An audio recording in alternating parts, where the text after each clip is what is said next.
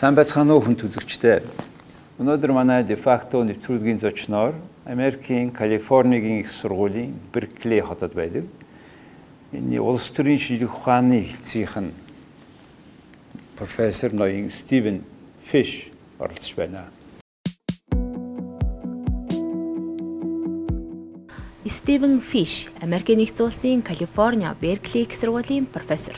Профессор Стивен Фиш Америкийн нэгдсэн улсын Стэнфордын их сургуулийг докторийн зэрэг, Вашингтон дахь Джон Хопкинсийн их сургуульд олон улсын харилцааны магистр, Итали дахь Джон Хопкинсийн их сургууль, Корнелийн их сургуулийг тус тус дүргсэн.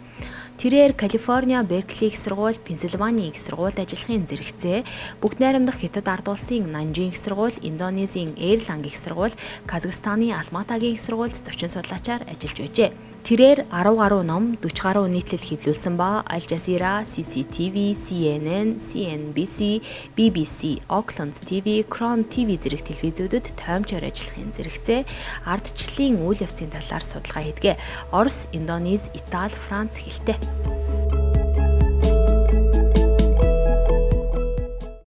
Good evening. Pleasure to be here with you. How many times is this time in Mongolia? This is my third time in Mongolia. Third time. Yes. Please tell us about this. Well, I was first here in December of 1997, and then I returned 15 years later in February of 2012. So this is my first time when it wasn't 40 degrees below zero in Mongolia, and I'm delighted to be here. Okay, July to 18. Ah, okay. That's right. So, uh, since you you saw Mongolia 20 years ago and today, and you are professor of political science, you studied in Cornell University, also John Hopkins in Bologna, and then John Hopkins University School in, in DC, and then Stanford University. And you're well-known political scientists studying democratization, this process. You have been in Russia, you have been in China. You are very familiar with this post-communist history of this region, of these three countries in particular. So let's talk. You let's look at from today's way. Hey, uh, 20 years ago, Mongolia, and what is changing, and how do you find it? Well, it's a completely different country, of course, uh, than it was 20 years ago. When I came here 20 years ago, there was a real spirit of democracy and of trying to make, make uh, the country's way in the world and to lift Mongolia up. Uh, but the economy was wrecked. The destruction of trade relations with the Soviet Union, and of course, the Mongolian economy was entirely dependent on the Soviet Union. With the Soviet Union's dissolution, really left Mongolian, the Mongolian economy in bad shape. And of course, the Mongolian economy ran according to the command and administer model that didn't work very well. What I see now is a completely transformed country. Um, the economy is certainly in much better shape than it was right now, but the demographic changes are really obvious as well. Ulaanbaatar, when I was here in 1997, was I think about 40% of the population of Mongolia. Today, I, as I understand, it's it's over half of the population. So this massive movement into into the city has made a big difference as well. See, uh, democracy in the terms of political elections, you can you cannot compare with to our neighbors, right? It keeps going on, and uh, where relatively things go. Yes, a lot of things to criticize. We need uh, we corruption, we more transparency, but however, how do you find the relations of civic society and democracy? Well, civil society, it appears, is a very important aspect of democracy. Really, perhaps more accurately, a prerequisite for a strong democracy. Countries like Russia really didn't ever have a very strong civil society, and I'm convinced that's one of the reasons why they were not able to achieve democracy.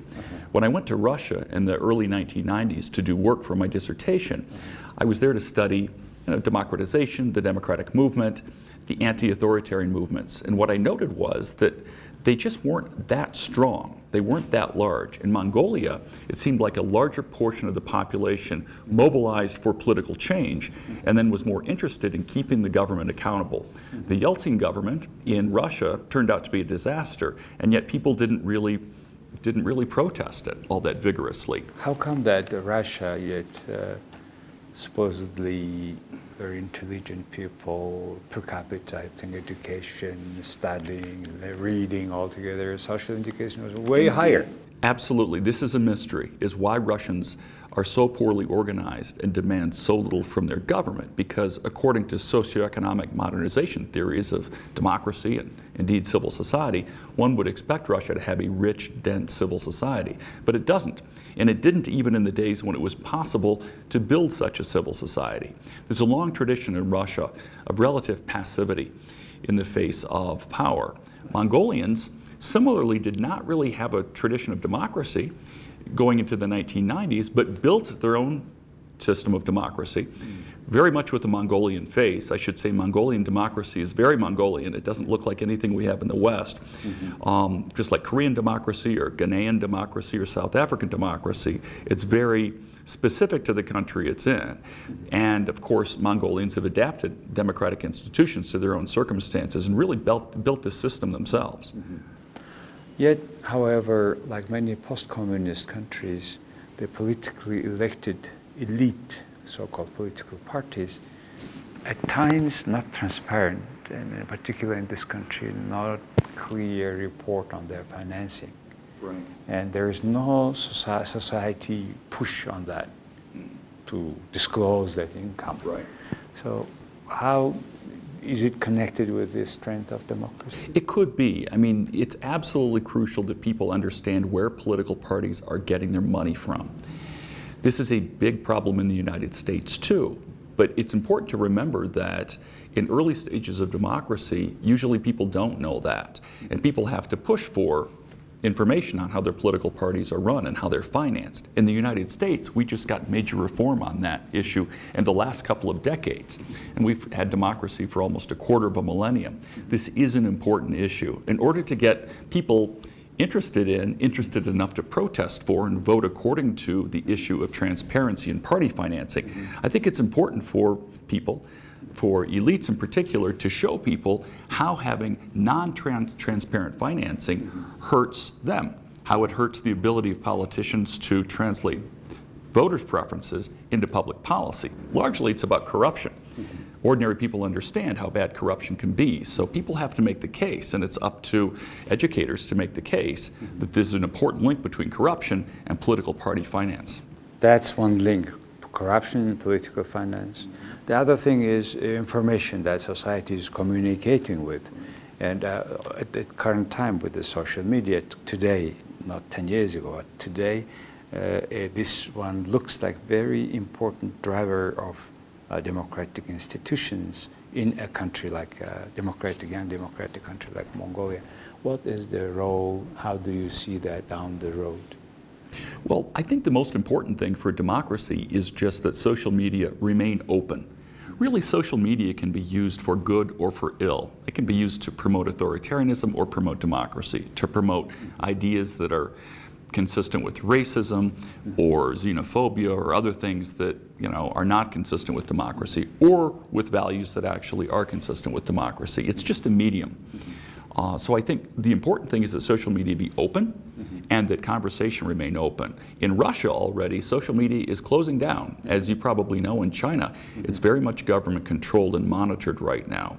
In Russia, um, people's accounts in social media are being monitored increasingly by the government, and the government has taken over essentially put its own, Putin has put his own cronies in charge of the companies that control major social media. That gives the government more monitoring authority over social media. And they are also working with certain part of youth all around the country to support particular one party policy.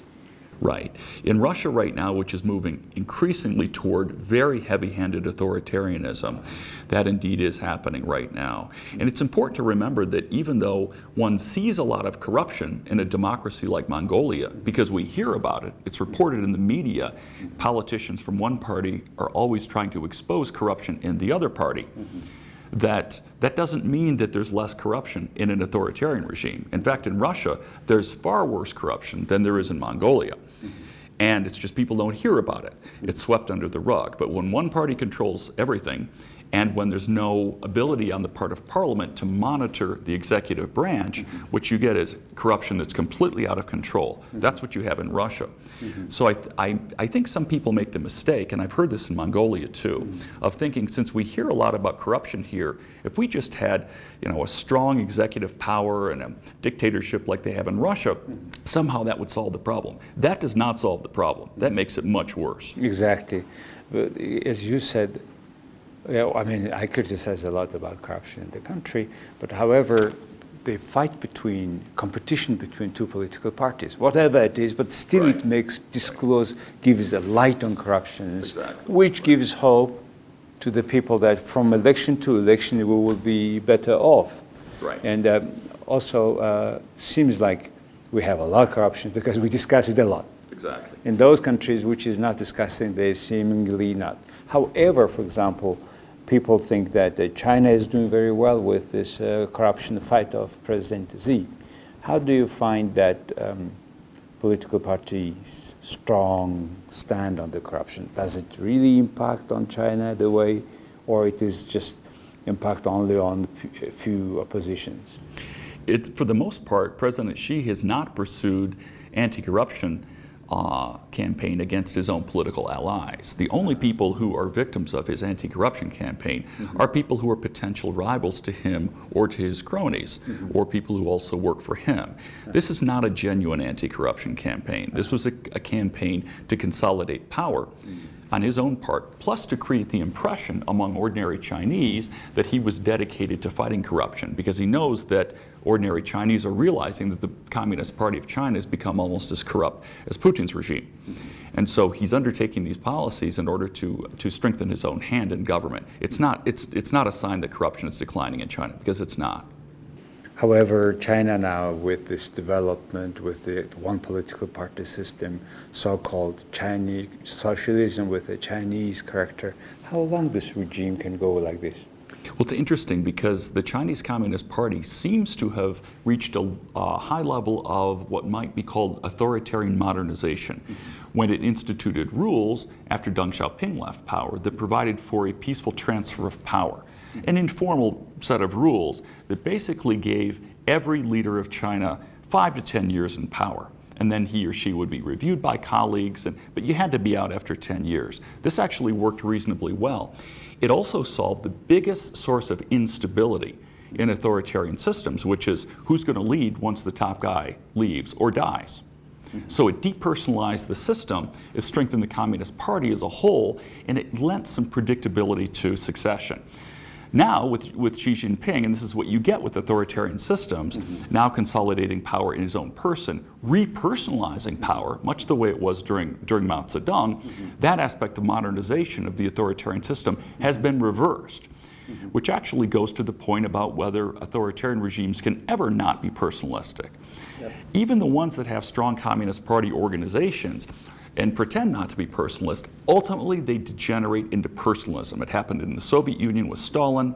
It happened, it's happening in China under President Xi as well. Yeah, personalization creates cult. And cult is something that sooner or later comes to the end. It also creates a great deal of instability because people don't know what's going to happen after, after President Xi dies. If President Putin died, and Russia's far more personalized than China is right now, no one knows what would happen tomorrow. It's absolutely impossible to tell. Putin is the one who holds the whole system together. He keeps all the oligarchs in line. He manages policy. Without him, Russia could fall apart. And of course, that's precisely the image he wants to promote to make himself look less dispensable. So everyone will rally around him. But that's a source of great weakness. And he had extended now his terms even longer for another seven Right. years or so. Altogether, he will be almost as long as uh, Stalin or so. Uh, so, so you still find this too much personalization of power in two our neighbor countries still may bring instability in these two It certainly will bring instability. I have no doubt about it. There's, when Stalin died, there was a big power struggle in the Soviet Union. Uh, there will be a power struggle for sure in Russia. But at least in the Soviet Union after Stalin died, there was a communist party there. There was some organization that had an ideology, a coherent set of principles and agencies. That doesn't exist in Russia right now under Putin at all. There's no party. There's just the state apparatus, which could be loyal to anyone. There's no ideology or set of principles. There's just Putin whatever he wants to do today.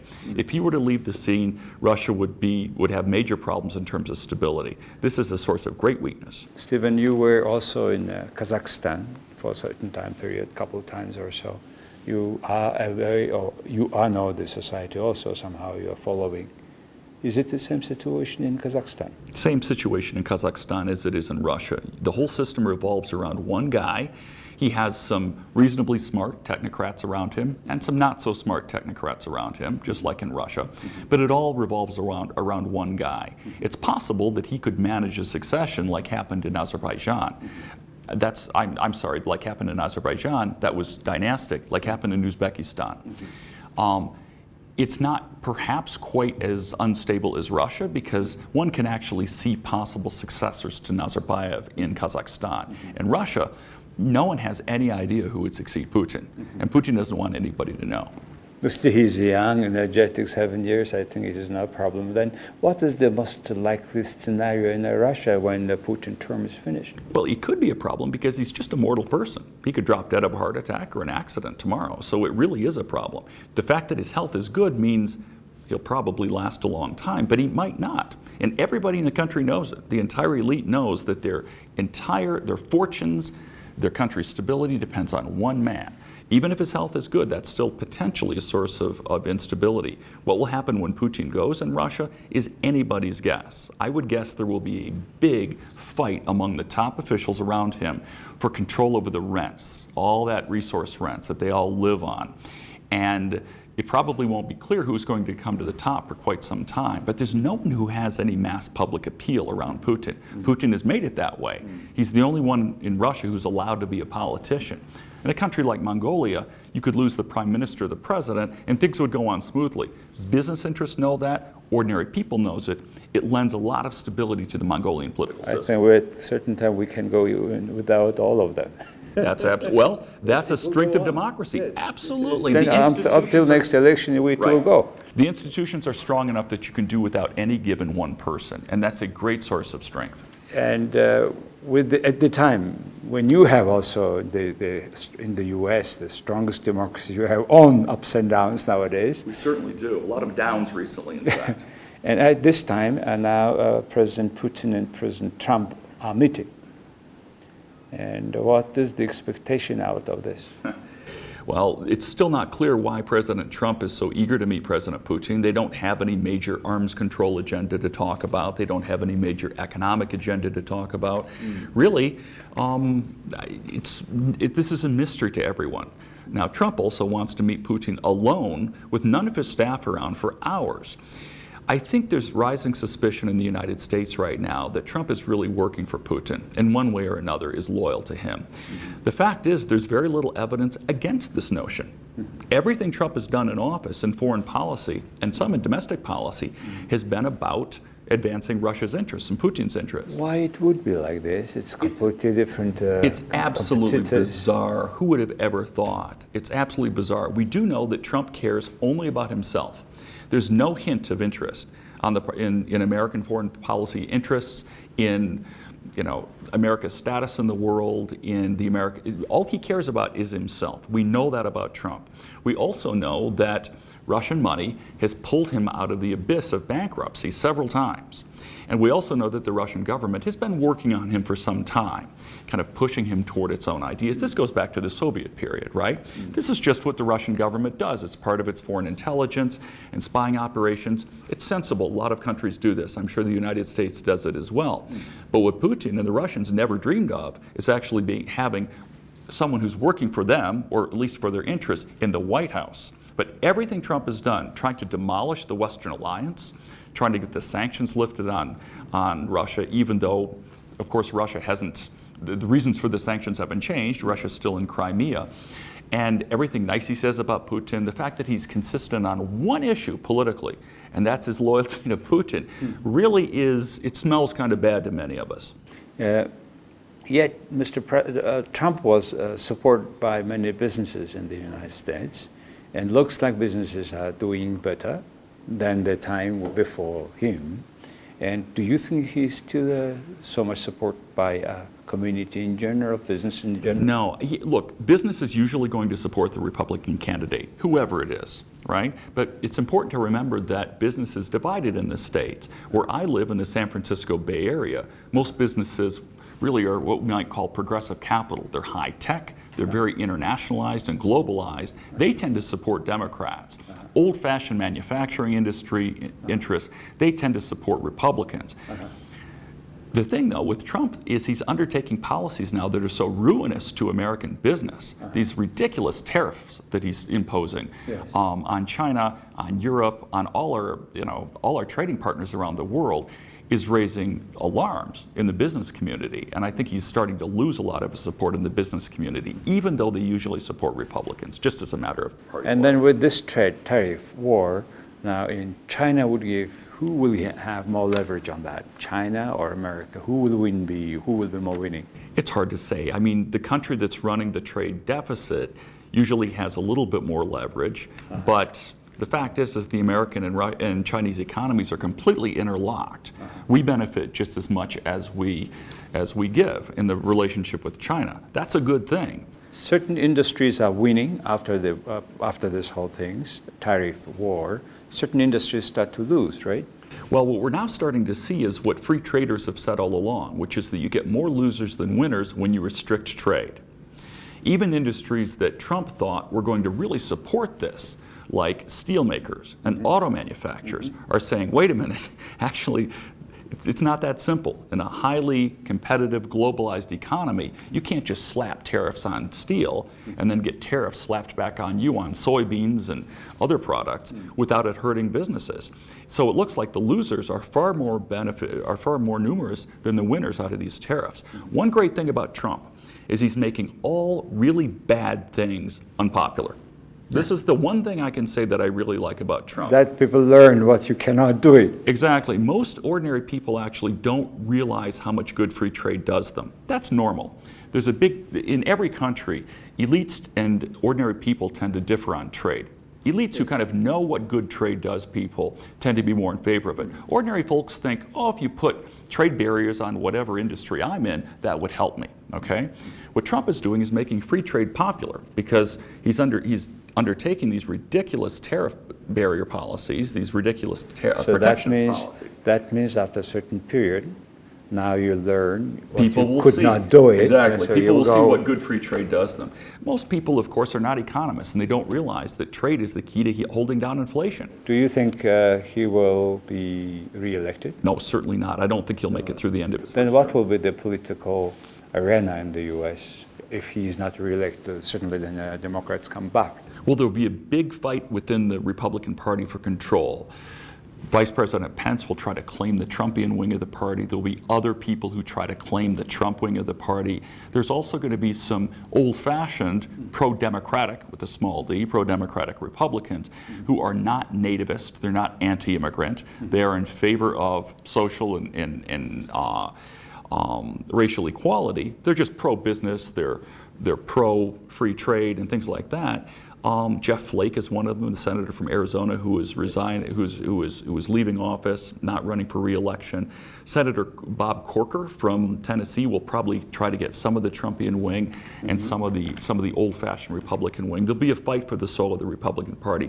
The Democratic Party, of course, is undergoing its own argument about who we're going to be in the future as well. And there's a lot of new blood coming into the Democratic Party, younger people, women running for office right now, spurred by the disaster that is Trump. So America will be completely politically restructured, say, from two, three years from now. I think the political party systems will be restructured. I think the, the Republican Party right now is controlled by a poisonous individual who is, can't stay in, in charge of the party forever. He's breaking laws. I don't think he'll make it through the end of his first term. The Democratic Party's leaders are all in their 70s and 80s. Is he a head of party too, as president? He's not formally the head of the Republican Party, but he's the de facto head of the party. The president is always the leader of, the par- of his party. That's right. Uh, you see now what is happening now in Europe, since we are talking about these bigger regions, now with uh, UK uh, Brexit, right now call it, and which is hardly happening now, and two, three ministers are resigned from, Right. from Theresa May cabinet. Uh, what is your expectation out of all this? Will uh, UK eventually completely exit or not? I don't know. It would be a disaster for the UK to exit the European Union. I think most Brits now understand that. If you did the referendum again today, I think that uh, Leave would lose. The public opinion polls show that.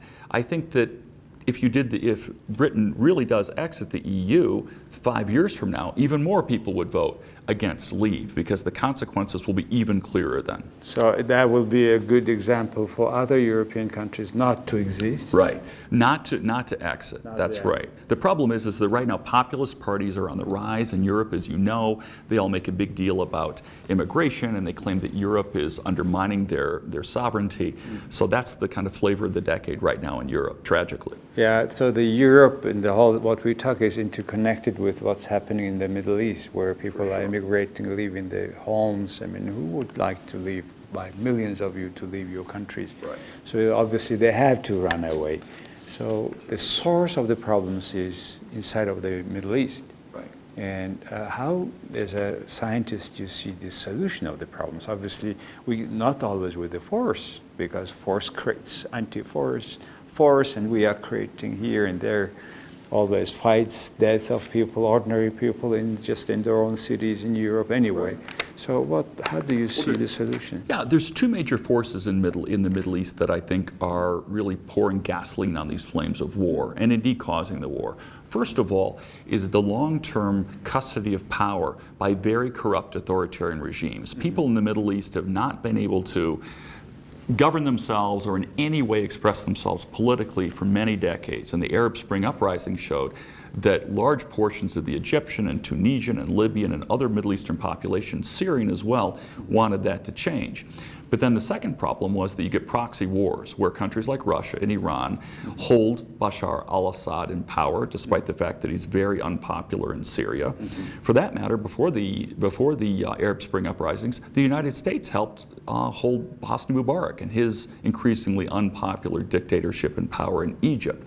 Now, what you have in Yemen, in Syria, several other points in the Middle East is are these brutal proxy wars, usually between Iran and Saudi Arabia, in the case of both Yemen and in, in Syria. That's the second major factor. So until these people will go out from the power, the thing, you think this tension will stay? It probably will. And even it may have a bigger scale if the proxy war more involved. It could. It's hard to say. Um, right now, it looks like Yemen and Syria could almost not get any worse. Whether it, whether these wars spread, Cannot be worse. It could not be worse than it is in Yemen and Syria. I can't imagine the situation deteriorating. I think it's already deteriorated in both countries. The whole world reminds me like, you know, a chair that every bolt is gone out, you know, you're going to be out, you know, it's like so shaky. We don't know. Well, there's nowhere to go but up in those countries, so that's that's the good news. Fortunately, that's the situation, and uh, thank you very much for describing for our public your American politologist, well-known politician, uh, pol- political scientist's view about the world. Uh, final thing about the democracy in Mongolia. Here, we still believe that democracy and free market are the way out of the poverty, out of many problems we have, but not like in Syria problems. You know, it's still it's very peaceful country as you see. How do you find that connection of free market and democracy? Well, they're not the same thing for sure. We do know that democracy cannot survive without a large private sector.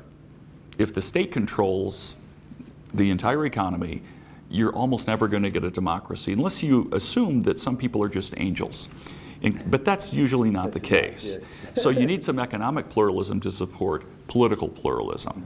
But within the realm of free market economies, you can have more socially democratic oriented economies, mm-hmm. like the Netherlands has, or mm-hmm. many other countries, in which there's a large state sector, but also a vigorous private sector. They can be vibrant democracies. Similarly, you can get a country like Singapore, the United States, which have smaller state sectors, but still have vibrant democracy. Well, that's what uh, the small journey I want to have within 30 minutes with you. And thank you very much for keep coming to My Mongolia. pleasure. Great, great to be And here. it's very important for us to know the experts' view on what's going on. And, uh, and this is a great conference you are participating. It certainly is. It's a great conference, and I'm here to learn, and I'm learning a lot. So, Thank you so much. my pleasure. За хүн төлөгчтэй өнөөдөр манай дефакто нэвтрүүлгийн зочноор Калифорнигийн Берклейд их сургуулийн профессор ноён Стивен Фишерлс баярлаа.